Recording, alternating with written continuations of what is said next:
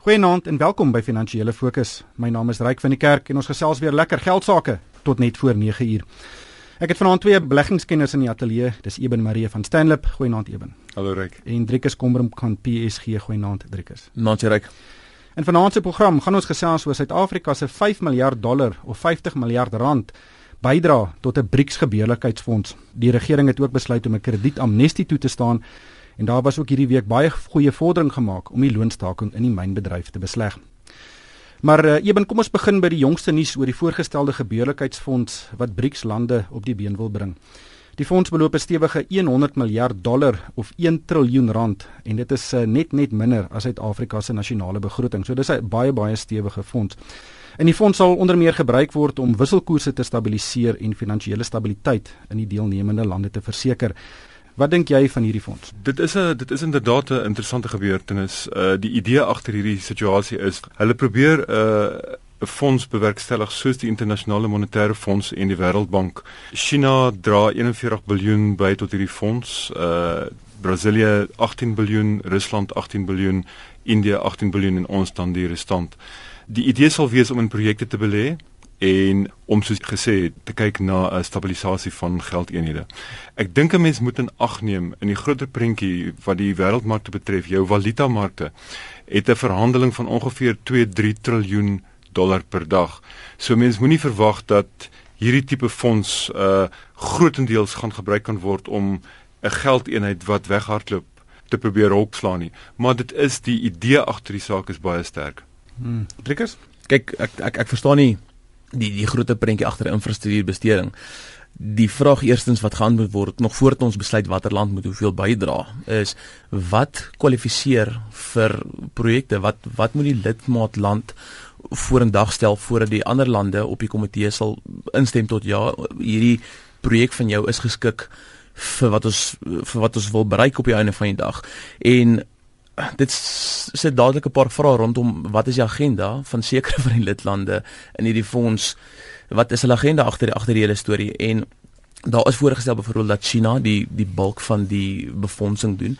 Nou China die bulk van die befondsing doen, dan weet julle ook wat die FSA eintlik inderwaarheid via die IMF doen. Daar sekere beheer wat hy uitoefen deur dit te doen, sekere kriteria wat hy aan 'n land wat om hulp vra binne kan die IMF byvoorbeeld om hulp vra moet sekere kriteria aanvoldoen. So die vraag is my minder 'n saak van wat is jou bydrae want as jy 'n groter bydrae gemaak tog gaan jy meer kriteria kan stel maar volgende sou jy 'n groter bydrae maak of kom ons sê 3 van die 5 lidlande besluit jy weet jy die meerderheid van die bydrae sou hulle sekere kriteria vir die ander lidlande stel dan dink ek sit Suid-Afrika wat eintlik 'n kleiner lidland is en waarskynlik 'n kleiner bydrae gemaak in in in 'n nadelige posisie uh moontlik. So mense moet daarna kyk. Dit gaan nog ontvou oor die volgende paar maande baie dinge wat uitgewerk moet word onder andere die kriteria en die en die bydraes.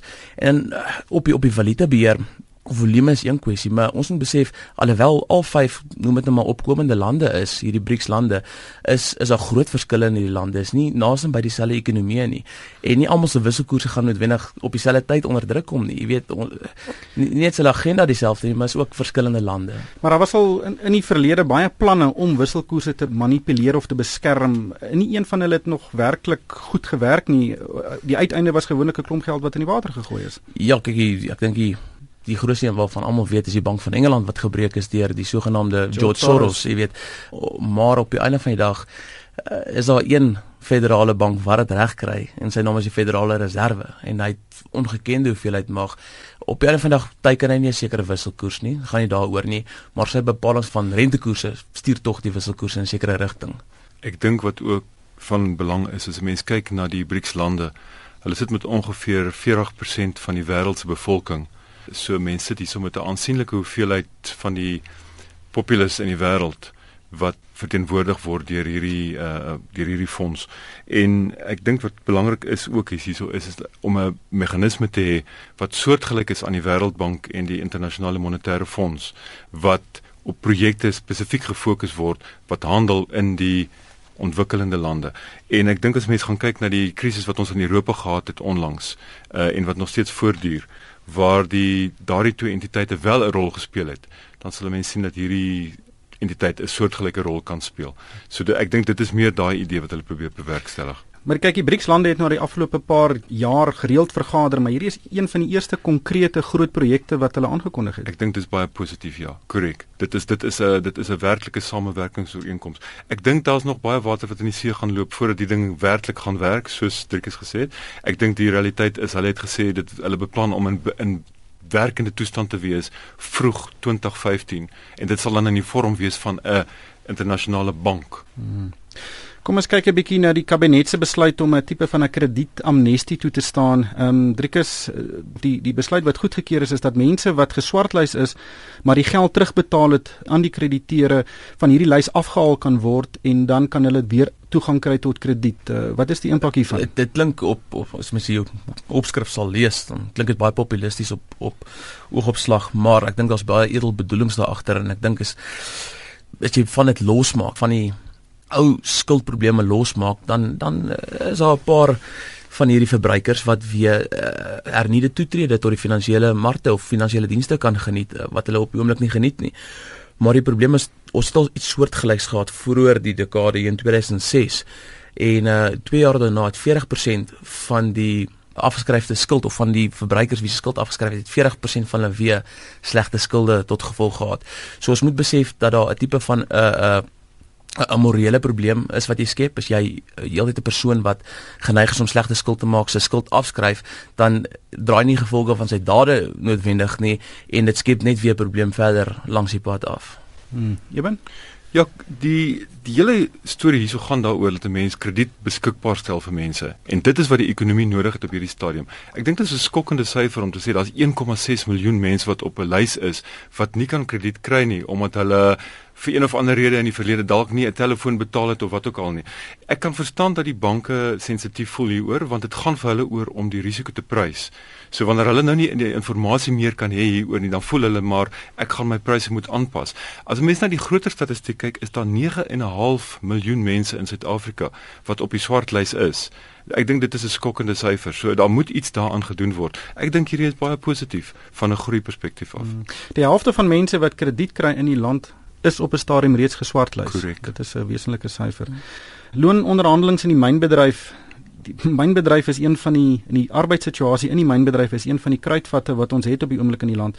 En daar was voorsien dat hierdie staking wat ons gesien het baie lank sou aanduur weens hierdie konflik. Um, ons het tog hierdie week gesien dat van die vakbonde hulle looneise dramaties uh, um, verlaag het van tot so hoog as 100% tot on, tot omtrent 10%. Driekus, wat is jou jou siening oor wat nou gebeur? Dink jy ons kan 'n skikking kry wat uh, vinniger gaan gebeur as wat aanvanklik verwag is? Ek dink so, ek dink die grootste rede sit agter die feit dat die hef in die hand van die goudmyners hierdie kant is van die bestuur is en nie omdat hulle so sterk is maar omdat hulle so swak is. Die die goudmyn industrie is 'n kwynende industrie. Ons weet al vir jare lank die goudpryse is nou onder druk om om om alles nou net eh, soeter en moeiliker te maak en uh Eh, daar sit eenvoudig 'n sekere lyn wat die bestuur van hierdie maatskappye nie kan oorsteek nie anderste raak dit anderste moet hulle skagte toemaak uh, in die nabye toekoms so eenvoudig is dit. Hm, Eben Ryk, ek dink baie keer die loononderhandelings is soos om in 'n ongeluk te wees. Jy weet, jy moet maar jou oë knyp en toeknyp en hoop vir die beste. En ek dink in hierdie situasie, as ons kyk na wat verlede jaar gebeur het, ons almal sit so 'n soort van met 'n baie slegte verwagting en ek dink hierdie jaar die gevoel is tog dit dit is 'n bietjie stiller as wat 'n mens sou verwag. So ek dink dit ek, ek dink op die oomblik voel dit positief. Hmm. Kom ons gesels 'n bietjie oor die markte. Ehm um, die beurs het 'n bietjie wiplank gery en maar verhandel nog steeds ehm um, naby 'n rekordhoogtepunt. Aan die ander kant is daar nog steeds kommer oor die Amerikaanse stimuluspakkette en dan ook Sirië wat dalk uh, weet eh, 'n uh, skok in wêreldmarkte kan meebring. Uh, Driekus, hoe dink jy waai die winde? Ek het 'n studie vroeër hierdie week hier rond te gedoen rondom uh jy weet invalle uh wel beperkte invalle soos die, die moontlike een op Sirië. En is gewoonlik dat die markte sien weer agtig is, jy te hoor oor die prys gewoonlik as dit naby die Midde-Ooste is vir 'n rukkie. Dan sodra die bomme begin val, dan dan is die markte gekalmeer. Jy weet die die onsekerheid van slegte nuus is erger vir die markte om in te prys as net die slegte nuus. Die slegte nuus het weet jy wat om in te prys. Die onsekerheid van slegte nuus het om jy twee goed in prys. Die onsekerheid en die slegte nuus. So dis moeiliker vir markte sodra die onsekerheid weg is en hulle weet wat die gevolge is van die van die beperkte inval. Uh, is daar beperkte gevolge is dink ek gaan die mark vergeet daarvan asof dit nooit gebeur het nie. Die oliepryse kan bietjie laer dryf wat egter 'n groter gewig op die markte op die oomblik het en ek dink vir vir die oor die mediumtermyn nog gaan hê is rentekoerse in die FSA. Want wat beteken dit as jy hoër rentekoerse in die FSA het omdat daar ironies genoeg 'n sterker ekonomie daar is? As jy hoër rentekoerse het, val hoër rentekoerse aan die aan die aan die langkant van die mark, jy weet langer rentekoerse, dan is dit soos 'n soos 'n 'n stofsuigermasjien wat kapitaal weer terugtrek na die FSA toe van alle uithoeke van die wêreld af. Hmm. Ewen is interessant as jy ding daai stem jy saam. So wat ons gehad het die afgelope paar jaar in die in die FSA as gevolg van die vrye monetêre beleid het ons gehad dat uh, mense het gereageer op slegte nuus. So slegte nuus het goeie nuus geword want daar sou meer geld in die ekonomie ingestort word. Dit is tyd nou wat ons gaan begin besef dat goeie nuus is goeie nuus. So die ekonomie is besig om te groei. Ons het gister gesien uit die ADP syfers wat uitgekom het uit die FSA, die ekonomie het 180 000 werkgeleenthede geskep. So die verwagting dat rentekoerse hoër gaan is redelik ingeprys in die markte en ek stem saam met Rikus dat ek dink wat ons hierso gaan hê is die uitsiening vir die vir die mark is die ekonomie is besig om te groei. Wat die potensiële oorlog betref, die grootste situasie wat ons hierso het, is dat as gevolg van die kompleksiteit van hierdie situasie, kan dit die olieprys baie hoog opdryf. As dit 'n kwessie is in die situasie dat daar 'n paar bomme gegooi word op Sirië en dit is kortstondig, met ander woorde 'n week of so, kan mense sê dat die oliepryse reaksie het, maar dit gaan nie 'n effek op ons in Suid-Afrika byvoorbeeld hê nie. As ons in 'n situasie ingaan waar ons 'n uh, Vietnam het of 'n uh, of 'n uh, Afghanistan of iets waar daar troepe is en waar daar verskillende moondhede betrokke raak, kan hierdie ding baie lelik raak en 'n mens kan in 'n situasie raak waar die olieprys baie sterk opdryf en en stelselmatig daar bly. Dit is natuurlik vir ons katastrofies dan. Daar's 'n kleiner waarskynlikheid daarvan. Ek dink nie enige iemand soek dit op die oomblik nie, maar dit is iets wat mense in jou uh, beplanning moet inbou op hierdie stadium. Hmm. Ons het maatskappy resultate gesien hierdie week. Uh, Sanlam het tussentydse resultate aangekondig en ek dink dit was uitstekende resultate. Wesensverdienste op met 44%. Ehm um, dis nadat 'n mutual uh, winssyfers gewys het van 22% winsgroei. Wat was jou indrukke van daai resultate? Ja, goeie resultaat. Uh, ek dink die mark, dit was in die mark gewees. Die prys het klein bietjie afgekom, maar weer opgegaan. Vir my interessant ook hulle het daar gesê hulle 3 ongeveer 3 miljard se kapitaal beskikbaar wat hulle wil na kyk vir verdere uh, uitbreiding. Hmm. Dink die mark is 'n meganisme wat vooruitkyk. So hierdie is nou histories, hulle histories baie goed gedoen. Nou met die besef van 'n versekeringsmaatskappy is daar twee tipes winste. So onderskrywingswinste en dis baie sterk op en beleggingswinste en albei ons het 'n goeie onderskrywingssiklus nou gehad en dinge raak nou moeilik aan die onderskrywingskant. En nommer 2, die beleggingssiklus is nie gegeewe nie. Die beleggingswinste en ons praat van 'n paar miljard rand se beleggingswinste wat Sanlam weer eens gestaaf het. Dis nie gegeewe nie. Dit is uh, dit kan omdraai in beleggingsverliese pryse in moontlik as as dinge hmm. suidwaarts gaan. Soos 'n golfgery, versekeringsmaatskappye veral want baie van hulle belê in die staatsefek mark, ons het 'n staatsefek bulmark vir 4 jaar gehad en 'n ekwiteitsbulmark vir 4 jaar gehad. Saam met dit het hulle buitelandse beleggings baie goed gedoen oor die laaste 4 jaar van die wisselkoers het geweldig verswak. So alle elemente het in die guns van die versekeringsmaatskappye gespeel en ek dink die die, die markte sê ook hierso vir jou Sanlam se aandeleprys wat nie goed reageer op baie goeie resultate nie as dat die dat die winde besig is om te verander en dinge moeiliker gaan wees oor die volgende 12 24 maande. Kom ons kyk gou vinnig na 'n baie groot internasionale transaksie. Microsoft het uh, die selfoongroep Nokia gekoop vir 7 miljard dollar en Nokia 'n huishoudelike naam reg oor die wêreld. Dit was uh, een van die markleiers. Ewen, wat dink jy van die transaksie? Dis baie interessant as jy mens kyk hoe groot uh, Nokia op 'n stadium was. Ek dink die markkapitalisasie op 'n stadium was van die orde van 200 miljard dollar gewees op 'n stadium en daardie maatskappy het natuurlik onder baie druk gekom. Wat vir my interessant is van die transaksie is wat oorgekoop word van Nokia af is onder andere 30000 patente wat hulle nou het van hulle selfone en alles en dit is wat Microsoft nou gaan gaan gaan gaan oorneem. So dit baie interessant van daai oogpunt af en wat natuurlik Microsoft probeer doen in die toekoms. Uh, ek dink een van hulle sienings is is dat die rekenaartegnologie soos wat ons dit sien, laptops en die tipe van ding is uh, iets van die verlede en dit is waar waarna jy kan sien waarna toe hulle reik. Sommige ontleeders het gesê Driekus dat uh, Microsoft red vir Nokia en ander het weer gesê Nokia red vir Microsoft. Uh, wat se siening het jy? Ja, interessant dat dat ehm um, meneer Elop die die uitvoerende beampte by by Nokia eers in die bestuur van van Microsoft teenwoordig was en dan dalk moontlike opvolger is vir meneer Steve Ballmer by Microsoft. So Microsoft is 'n groot maatskappy, enorme maatskappy wat baie kontant genereer. Baie van sy kontant wat hy genereer kom uit sy sagte ware besigheid, Windows Office, daai daai goed wat ons almal ken.